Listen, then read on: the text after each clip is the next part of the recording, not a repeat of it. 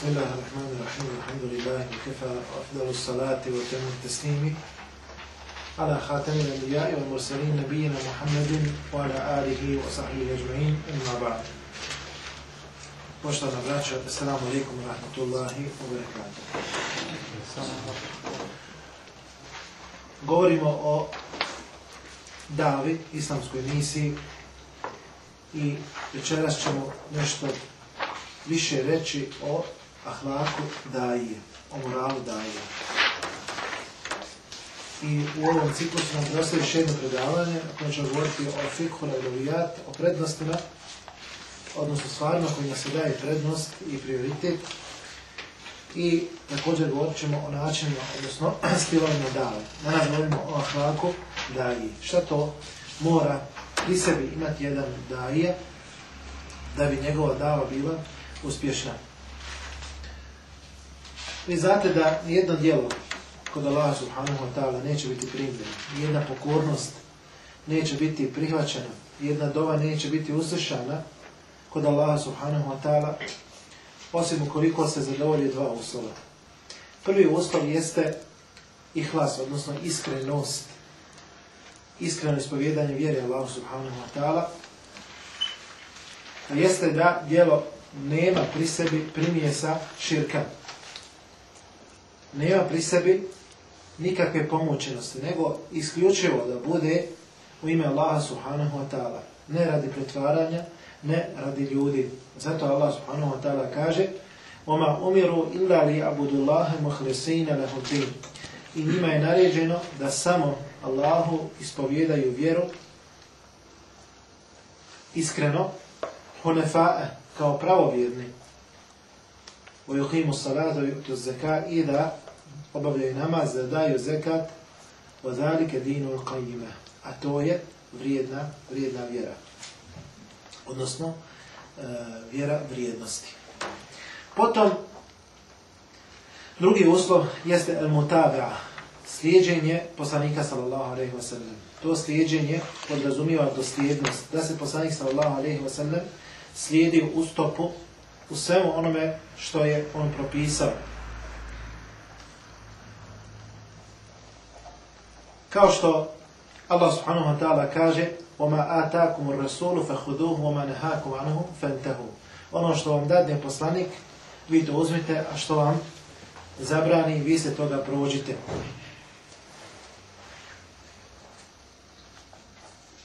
Također, poslanik sallallahu alaihi wa sallam, govoreći o važnosti slijedženja njegovog sunneta, njegovih postupaka, kaže, alaikum bi sunneti o sunneti al khulefa i rašidine al mahdijine min ba'di.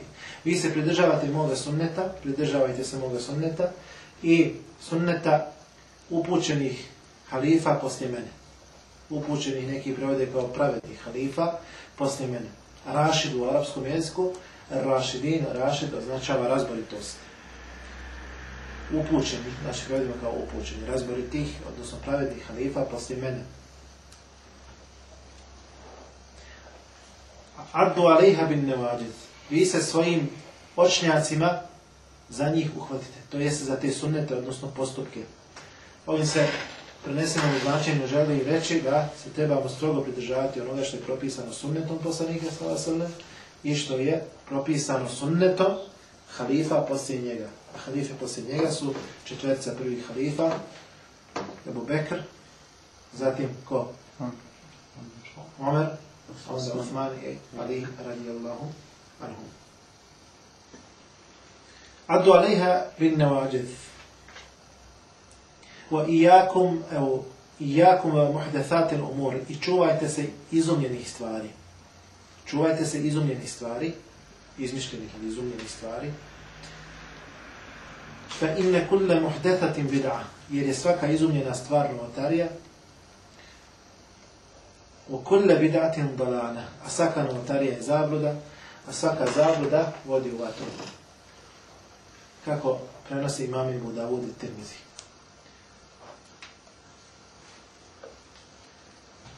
Znači, poslanik sallallahu alaihi wa sallam ovdje strogo upozorava na odstupanje od njegovog sunneta i sunneta njegovih nasljednika, odnosno halifa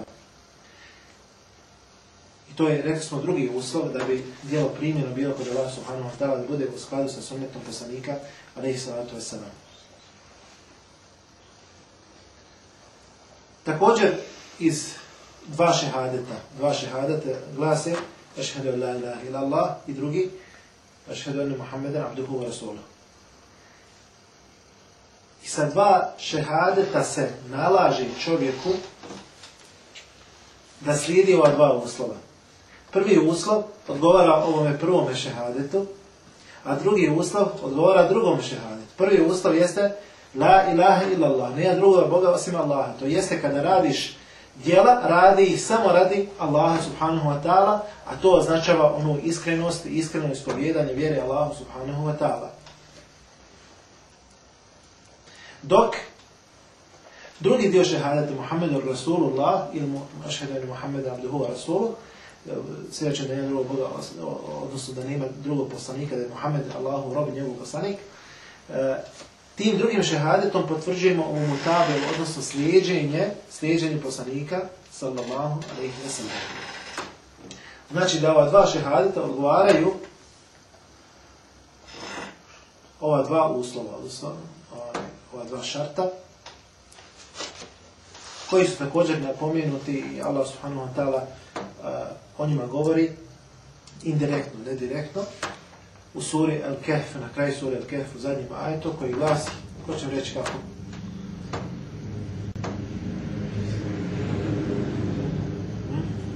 فمن كان يرجو لقاء ربه فليعمل عملا صالحا ولا يشرك بعبادة ربه أحدا onaj ko se nada susret svojim gospodarem šta da kraje? neka radi dobro djelo to jeste neka radi dobro djelo. Dobro djelo je u islamu koje djelo? Kad se kad mislimo na ibadet. Ono djelo samo koje je u skladu sa sunnetom, sa, sa Koranom i sunnetom. To je dobro djelo. Mm, time je upotpunjen onaj drugi uslov koji smo mi spomenuli, prema svome redoslijedu. Vola jušrek bi ibadeti rabbih ehada i neka u ibadetu Allah subhanahu wa ta'ala nikoga ne smatra ravnim. Znači, Allah subhanahu wa ta'ala spomni ta dva poslova također. Na nešto indirektni način. Dobro. Ovo smo napravili kao jedan uvod za sve one osobine, epitete, kojima se treba okititi jedan daje, odnosno pozivač, misionar islama. Prva od tih osobina, jeste sidku ili naziva se istino ljubivost. Naziva se istino ljubivost. Iz prakse i sunneta poslanika sa srnem i sire, biografije poslanika sa Allahom rejim srnem, vidimo da je poslanik sa Allahom rejim srnem bio istino ljubiv. I e, trebamo njega uzeti, ali ih salatu je srnem kao uzora tu. Pogledamo samo na početku Davi, kada je poslaniku sallallahu alaihi wa sallam rečeno wa envir, aširetekel akrebin. I ti opominji svoju bližnju rodbinu. Kada mu je to rečeno, on je pozvao svoju rodbinu, ljude iz Mekke, oko brda Safa. Sjećao se neko što im je tada rekao. Rekao im je,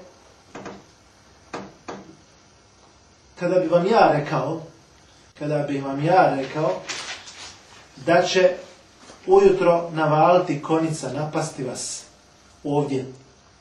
Da li biste vi meni povjerovali? Pa su oni rekli, da, mi bismo tebi povjerovali. Kada su bili mušrici? Mađar rebna alejke illa sidqa. Mi nismo okusili, znači bukvalno prevedimo, nismo kod tebe okusili ništa drugo osim istinoljubivost, odnosno iskrenost. Osim da govoriš istinu. Što znači ti Muhammede si iskren i nismo nikada znali, niti smo ikada uvidjeli da ti lažiš. Pa su oni povjerovali poslaniku sallallahu alaihi wa sallam ili povjerovali, povjerovali bi u tome pita. Međutim, mnogi od njih nisu prihvatili istinu, mada su znali da je poslanik sallallahu alaihi wa sallam istino ljubio. Zatim, priča, duža priča, predaja koju je Ebu Sufjan radijallahu anhu ispričao nakon što je prihvatio islam. Vi znate da su Kurejšije poslale Ebu Sufjana kod bizantijskog cara Herakla. Herakal se kaže u arapskom jeziku. Poslali su ga i Heraklo je pitao Ebu Sufjana o poslaniku sallallahu alaihi wa sallam. I o tome postoji od duža anegdota. Između ostaloga, je Ebu Sufjan spomenuo iskrenost poslanika sallallahu alaihi wa sallam kada ga je Heraklu pitao da li on laže, jeste li ikada vidjeli da laže, pa je rekao ma džarrabna alaihi kedibe nikada nismo uočili da laže, nismo nikada oko sebi njegovu laž tako se kaže u arapskom jeziku, nikada nismo iskusili ili okusili njegovu laž znači Ebu Sufjan, najveći neprijatelj poslanika sallallahu alaihi wa sallam, pozvan od strane Herakla da kao mušrik i kao neprijatelj Islama i prve misle Islama, pozvan kod Herakla na njegov dvor da kaže kako je stanje muslimana. Hm? Da kaže kako je situacija kod Arapa i Heraklo, dobiva istinite informacije. Prva stvar jeste Ebu Sufjan, koji je bio mušrik, ali imao moralne osobine kod sebe i nije lagao. Vidimo tu njegovu, prije svega, iskrenost, odnosno istinoljubivost. A vidimo također, kada je rekao tu svoju istinu, kada je znači, iskren bio, da je iznio i istinu o poslaniku sallallahu alaihi wa sallam, predočio kakav je on, da nikada nije lagao. Zato poslanik sallallahu alejhi ve sellem kaže o inna sidqa yahdi ila albir da istinoljubivost, istinitost upućuje na dobročinstvo. A dobročinstvo vodi u džennet ili upućuje na džennet.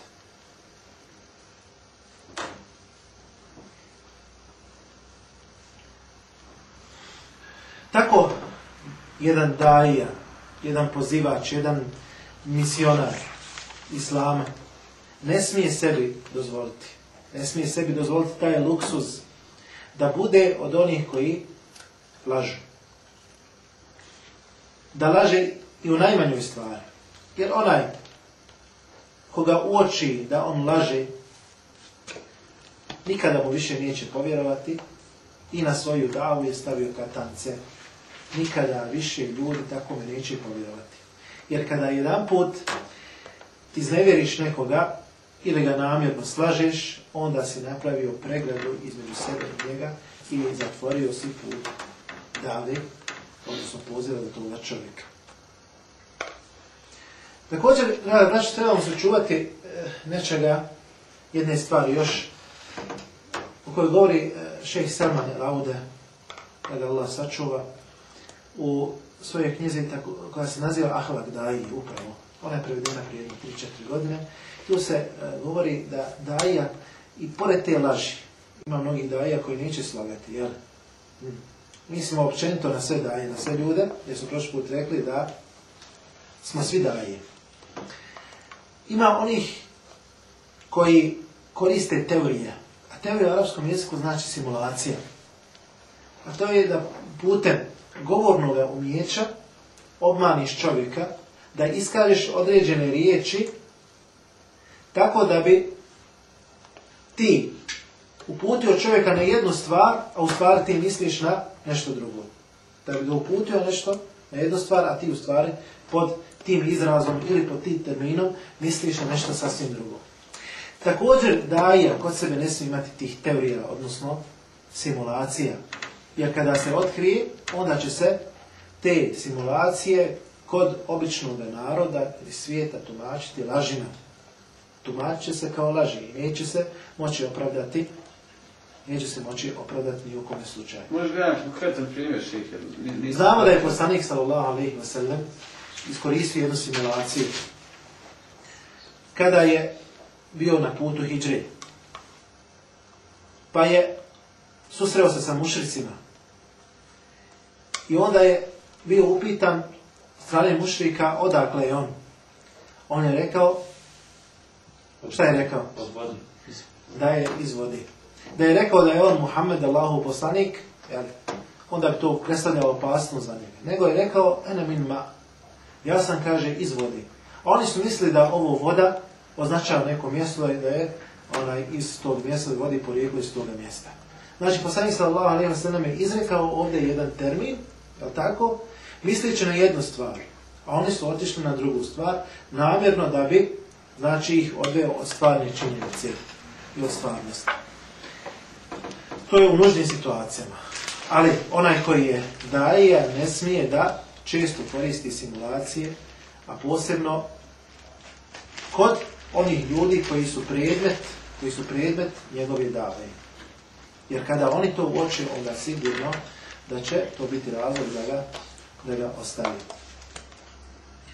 Znači, ukoliko ona istinoljubivost vodi ka dobročinstvu, kao smo rekli, isto tako ona laž vodi u griješenje.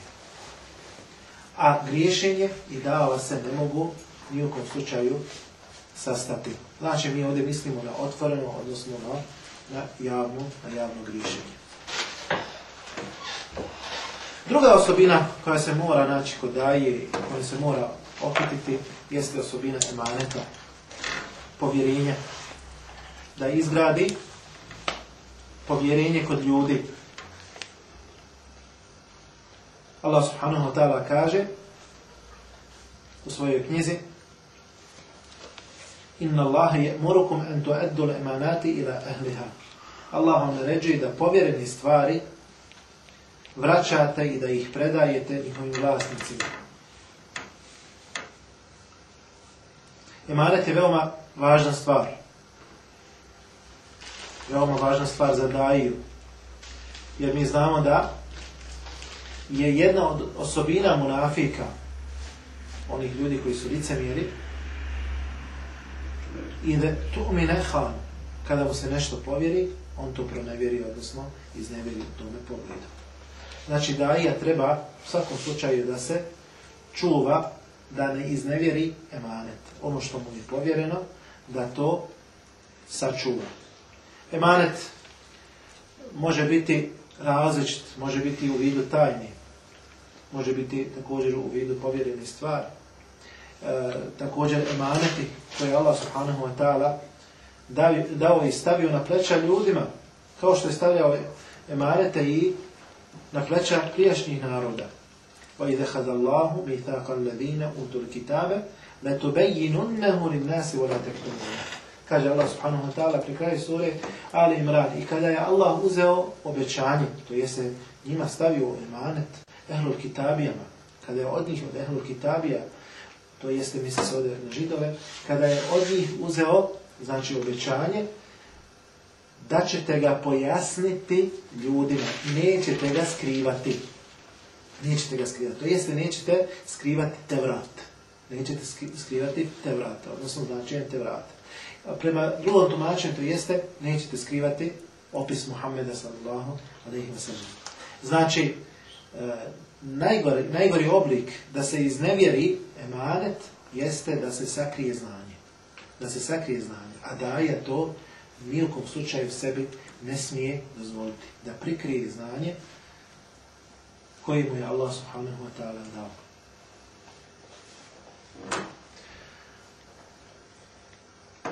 Sljedeća odlika daje je jeste strpljenje. I ovoj odlici se može najviše govoriti i ona je jedna od najvažnijih odlika. To su važne, ali ova je i tekako važna. Vi znate na koliko mjesta Allah subhanahu wa ta'ala u Kur'anu spomnije strpljivost. Lestainu bi sabri wa salah. Vi se pomoć tražite u strpljenju i u namazu. Vasbir vama sabruke illa illa. Evo billa. I ti se strpi a tvoje strpljenje samo radi Allaha subhanahu wa ta'ala, to jeste ti poteškoće iskušenja Muhammeda alaihi salatu wa salam, podnosiš samo radi Allaha subhanahu wa ta'ala. Znači, mnoštvo je ajeta koji o tome govore. Također, poslanik sallallahu alaihi wa sallam kaže, o meni je tasabber, yusabbiruhu Allah. Ako se strpi, Allah će mu dati strpljenje. To jeste, Allah subhanahu wa ta'ala će ga pomoći u tome strpljenju. i ljudima nije dat bolji poklon, bolji i obilniji poklon nego što je strpljenje, kaže poslanik Ali Salatu Salat. Ljudima nije dat bolji poklon i obilniji poklon nego što je strpljenje.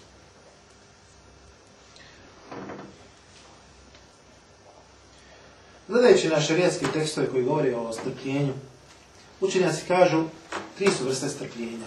Prva vrsta strpljenja jeste strpljenje u pokornosti Allahu subhanahu wa ta'ala. Da se strpimo u pokornosti Allahu subhanahu wa ta'ala. Šta to znači?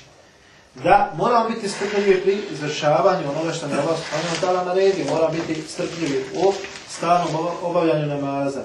U stalnim ibadetima. Jer e, svi ibadeti kod sebe imaju određenu mešakka. A mešakka jeste poteškoća. Ali ta poteškoća nije toliko velika da je izvan mogućnosti čovjeka. E, znači, u tome se traži strpljenje. Strpljenje pri obavljanju namaza.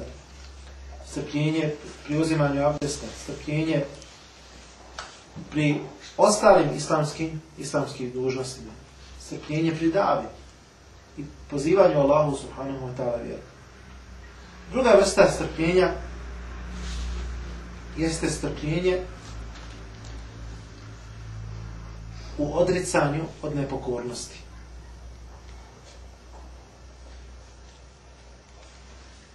To je se kod čovjeka postoje određene duševne ambicije, strasti, porevi koji ga tjeraju da čini nepokornost. Nepokornost nije dravlja Allahum Subhanahu wa ta'ala. I zato čovjek treba da se strpi da ne bi počinio nepokornost kada ga njegova strast, kada ga njegov nefs poziva na nepokornost. Zato mora dok sebe ima nešto što se naziva muđahedetom nefs. A to je da se zalaže u borbi protiv poriva svoje duši. Zalaganje, ulaganje truda da se savlada svoj nefs. Savlađivanje nefsa je u istinu velika stvar ko uspije savladati svoj nefs, sebe obračunati i na svoj nefs staviti u uzde, onda je uspio i onda je pobjedio. Onda za njega Allah subhanahu wa ta'ala kaže kada efleha men zekaha i uspio je onaj koji očisti, to jeste ko očisti svoju dušu.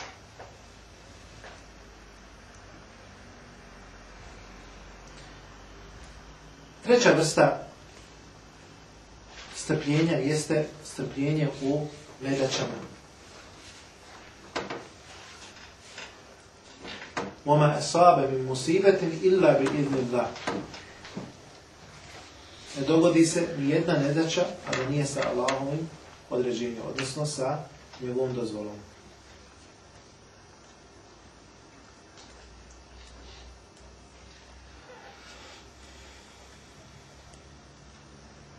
strpljenje u tim iskušenjima, u tim nedačama je u istinu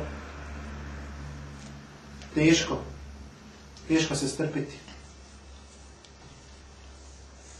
Ali čovjek treba sebi da uzme da uzor poslanika ali salatu wasalam i sve prijethodne poslanike.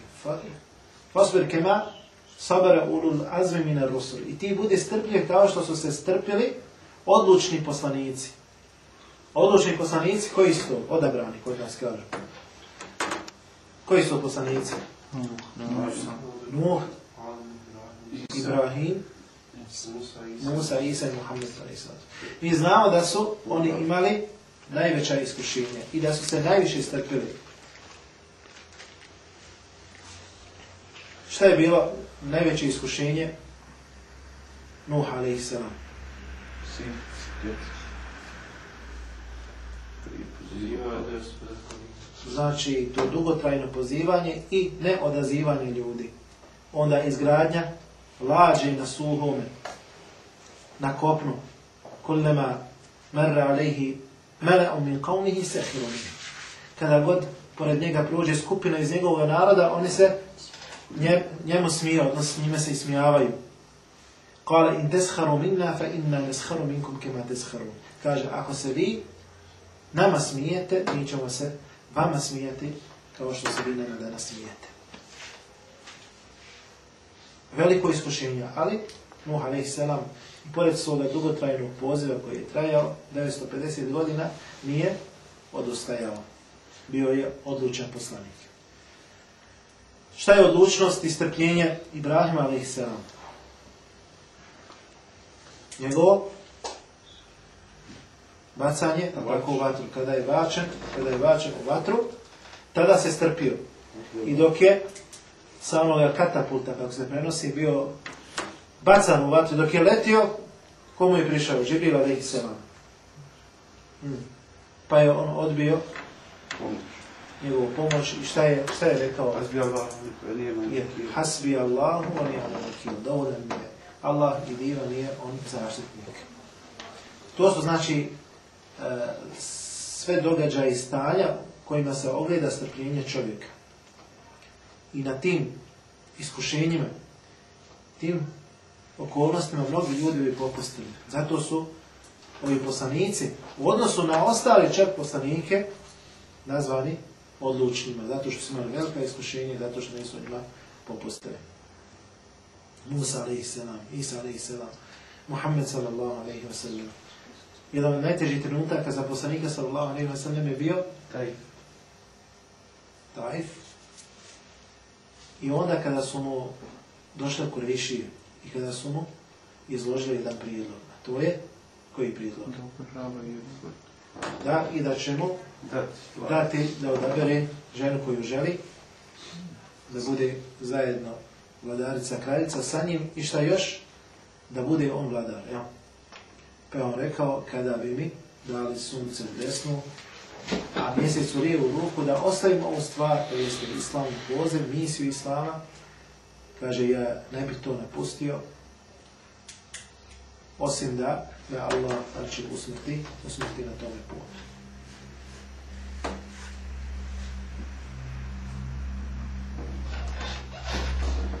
Potom,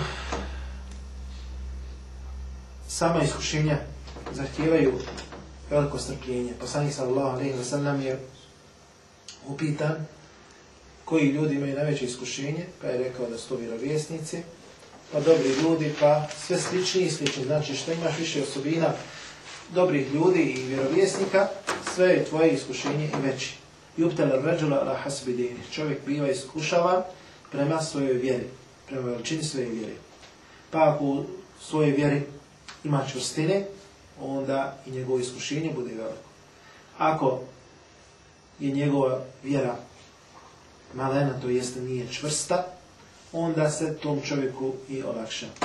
Kaže se na kraju hadisa poslanika da je svatu sna, da će neprestano pratiti čovjeka iskušenje, sve dok ga ne ostavi na zemlji, da hodi, da hoda, a na sebi ne bude imao ni jednog grija. Na sebi ne bude imao ni jednog grija. Dobro. Četvrta osobina koja se mora naći kod eh, daje, kojom se mora okititi, jeste rahmet, samilost, milost.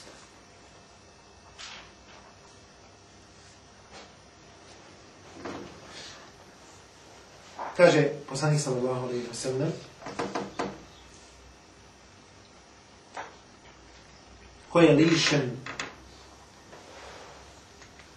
samilosti, lišen je svakoga dobra.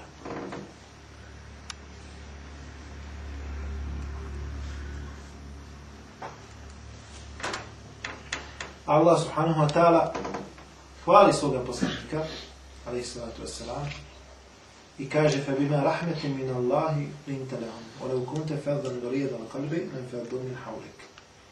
I salamu milošću ti si Muhammede blag prema njima.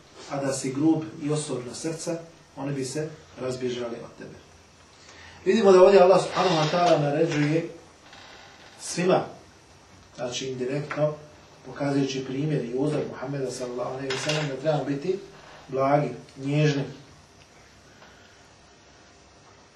E šta tek reći kada se radi o onima koji pozivaju Allah subhanahu wa ta'ala vjeru, oni koji nose sad svoje znanje, oni koji tragaju za znanje koliko moraju biti međusobno samilosni i koliko moraju međusobno biti blagi i čak koliko moraju biti blagi prema onima koji pozivaju. Jer kaže poslanik sallallahu alejhi ve sellem Inna Allaha yu'ti 'ala rifqi ma la yu'ti 'ala al-'unf. Allah daje putem blagosti ono što ne daje putem nasilja i grubosti.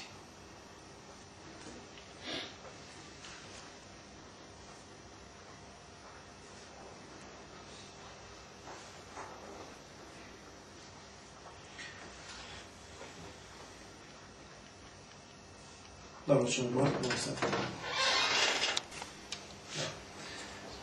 Sljedeća osobina koja se mora naći kod daje, koja se mora okititi, jeste osobina skromnosti. Osobina skromnosti. I znamo skromnost poslanika sam odlao, ali i Znamo njegov zuhd, znamo skromnost ispravnih prijetvodnika i prvih generacija. O tome smo mnogo slušali. Kako prenosi ima muslim, kaže poslanik sallallahu alaihi wa sallam, Allah mi je naredio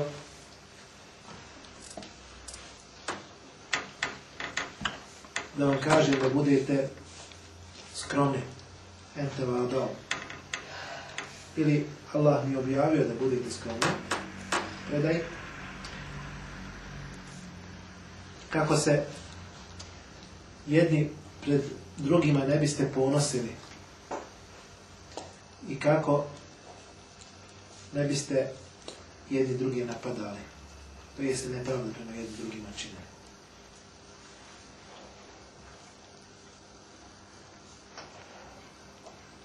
Također kod imama muslima stoji predaja koji se kaže men tevada lillahi rafa Allah.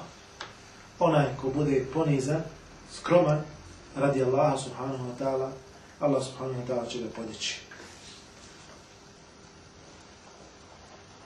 Zato daija, islamski misionar, kada zadobije neke rezultate svoje dave. Ne treba time da se posebno ističe, da se time ponosi znači, u javnosti i da to kaže da je to njegovim zaslugama. Nego treba da bude skroman i da zna da Allah subhanahu wa ta'ala upućuje, a da je on samo povod upute tih ljudi i da zahvalio Allahu subhanahu wa ta'ala upravo što je bio sebe, odnosno što je bio povod da ti ljudi budu uključeni.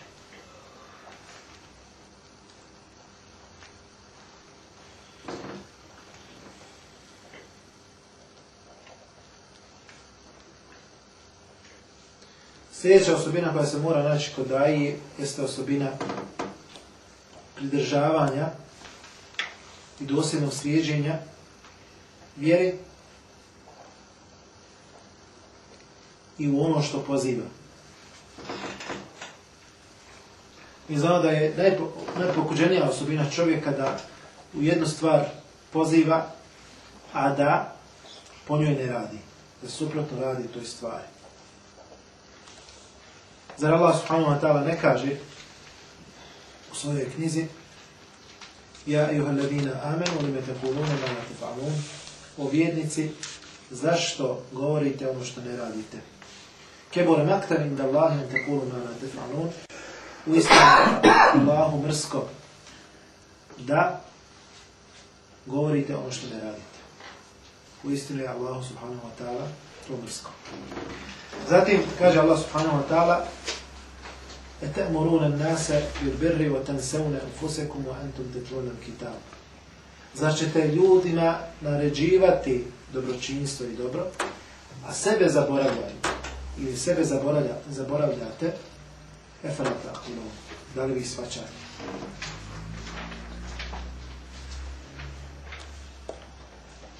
Znači, onaj koji poziva Allah subhanahu wa ta'ala vjeru, mora se pridržavati onoga u što poziva.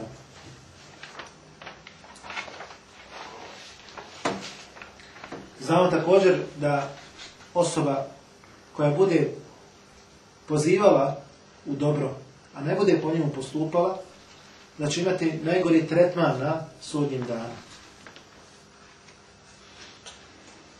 Jer kaže poslanik se Allahu, ali ih zasrne, Juta ber ređovi i omil tijame. Bih će čovjek doveden na sudnjem danu.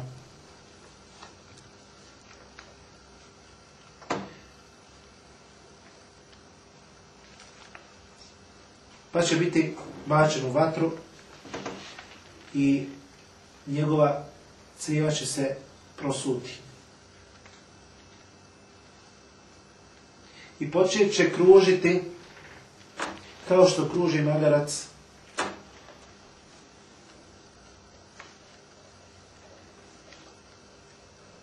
pokrećući mlin. Znate, magarac se nekada zaveže pa onda on kruži i tako se melje žito.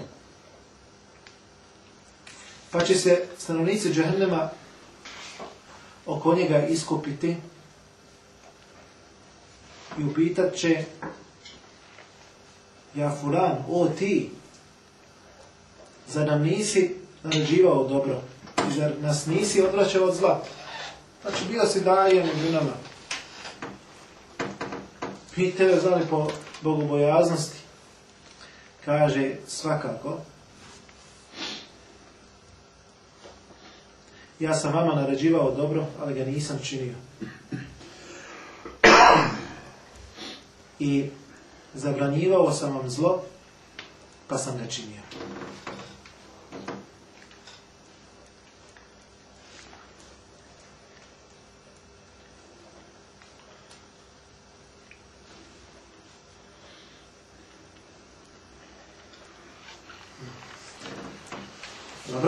Sljedeća osobina koja se mora naći kod Darije, koja se mora okititi, jeste takvalog bogobojaznost. Bogobojaznost i samoobračun.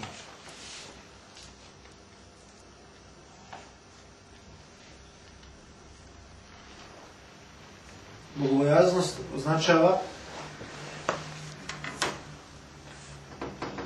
takvaluk se kaže u arapskom jeziku, odnosno e, takva, kod nas kaže takvaluk kao iz turskog jezika. Malo preinačena riječ, pa je dobila ime takvaluk. A takvaluk označava, ili tako u arapskom jeziku označava da između sebe i svoja gospodara napraviš zaštitu. Od veka jekli, što znači zaštititi se. Itiqa znači zaštitu. To jeste dobrim dijelima praviš između sebe i svojeg gospodara zaštitu. Štitiš se od Allaho Subhanahu wa ta'ala kazne svojim dobrim dijelima. Kada kaže Allah Subhanahu wa ta'ala Ittaku Allahe, mi to prevedemo kao bojite se Allah. Ne. Možete prevesti znači kao to zaštite se ili čuvajte se Allah. Čuvajte se Allah tako što ćete činiti dobra djela, a izbjegavati ono što je zabranjena, odnosno ružna djela.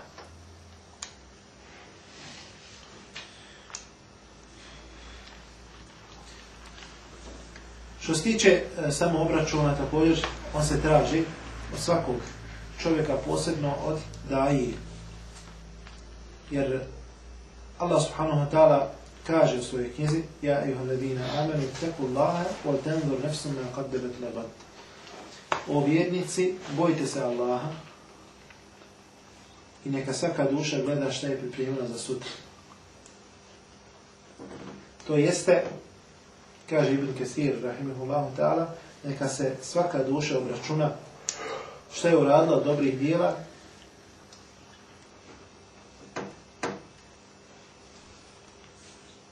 što je radilo od loših dijela i što je pripremila za dan povratka.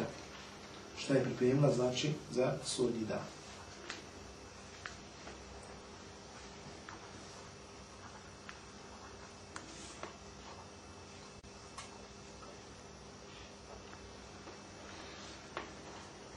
kako daja treba da se obračuna.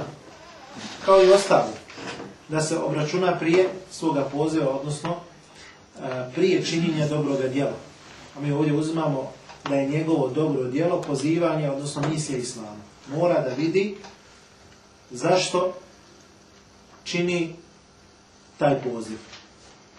Mora da se preračuna, da se obračuna sa prije samoga poziva.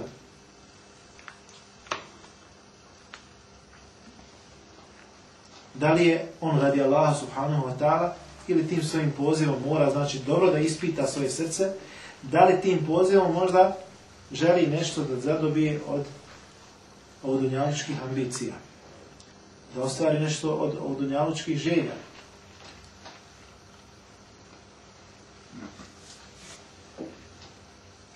I također obračunava se poslije izvršene dave, odnosno misije,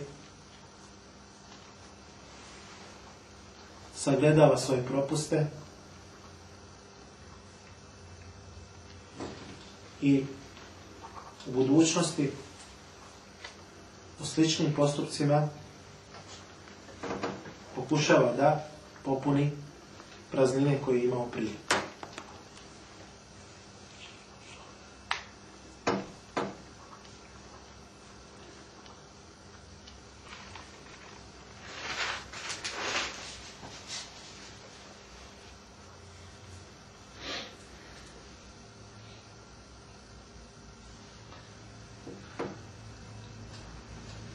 još ostaje jedna osobina koju mora da je imati, a to je osobina poznavanja onoga u što poziva. Znači, mora poznavati ono u što poziva. Mi smo prošli put citirali ajed za lavoj Zuhanova tada knjige kojim se kaže Kul hadihi se bili, reci Muhammede, ovo je moj put, ja u njega pozivam, ala basira, uz znanje, ja i onih koji mene slijedi.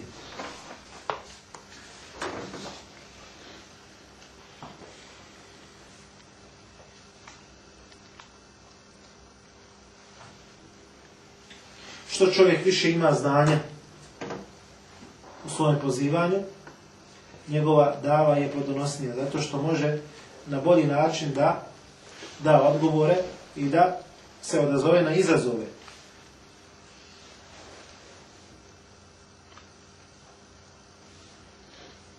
Zato onaj ko se osvetio dali, znači ko se isključio bavi dao, a svi smo dalje, rekli smo, neki se bavi manji, neki više, i svima nam je dužnost, kao što prošli put rekli, da budemo daji,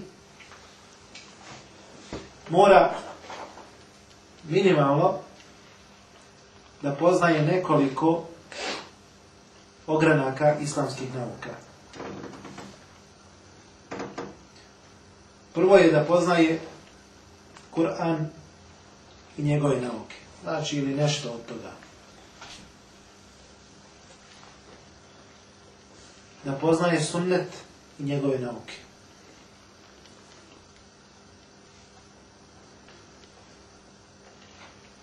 Da poznaje siru, to jeste biografiju poslanika Islava i prvih generacija. i da ima predložbe o historiji islama.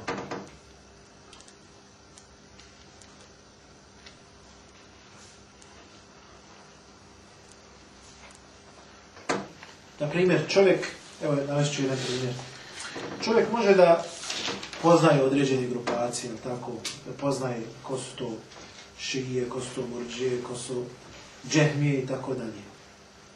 A ne poznaje historiju islama, i zna možda i definisati definisati kakve su skupine i da te skupine kod sebi imaju određene devijacije i tako dalje da odstupaju od Korana i Sunneta, ali ne zna vrijeme kada se pojavilo.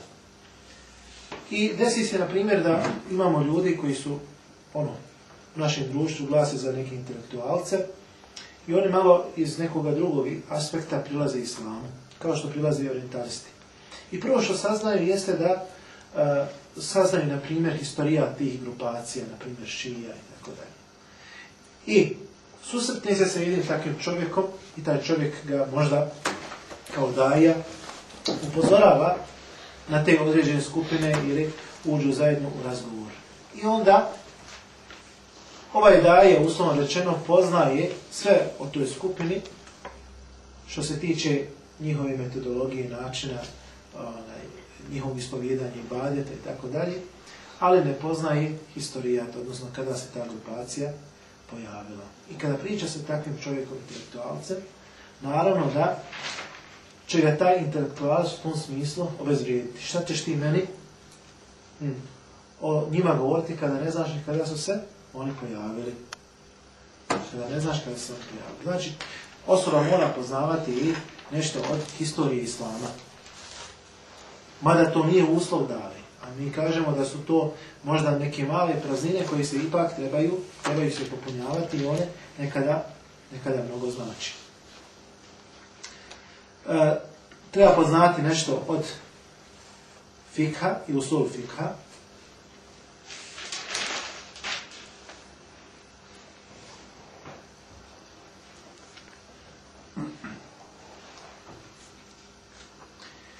ono što je važno, kada se obraća ljudima, da se zna obratiti na ispravnom jeziku. Znači, da se obraća na književnom jeziku naroda, toga naroda u kojim, među kojim on živi.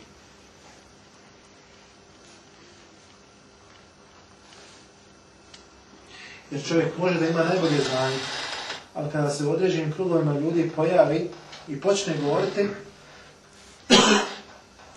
a njegov jezik ne odgovara književnom jeziku, onda od njega ljudi nikako neće prihvatiti. Posebno ti krugovi koji smo bili intelektualni krugovi. Pa smo vidjeli, na primjer, imali smo iskustvo kada se prevede određena knjiga, ona je po značenju u redu, ali po, na primjer, e, gramatici, po stilistici i tako dalje, imam u sebi velikih propusta, naravno da onaj čovjek, intelektualac, uzeti me tako opet i reći, koji uzme takvu knjigu, počne čitati knjigu, naravno da će je odbaciti. On više ne gleda sršte knjige i ne gleda znanje koje se prenose u toj knjizi, nego gleda na, na ono što se nalazi u knjizi, u smislu, znači gramatike, stilistike i to. I naravno da će to biti razlog da odbaci tu knjigu i da odbaci istinu. Znači, ne smijemo E, naprave te, te stvari, znači nepoznavanje bosanskog, na primjer, jezika, ne smijemo mi to postaviti kao jednu prepreku do spoznaje islama, odnosno do vjerovanja Allah, subhanahu wa ta'ala, i poslanika, odnosno, to je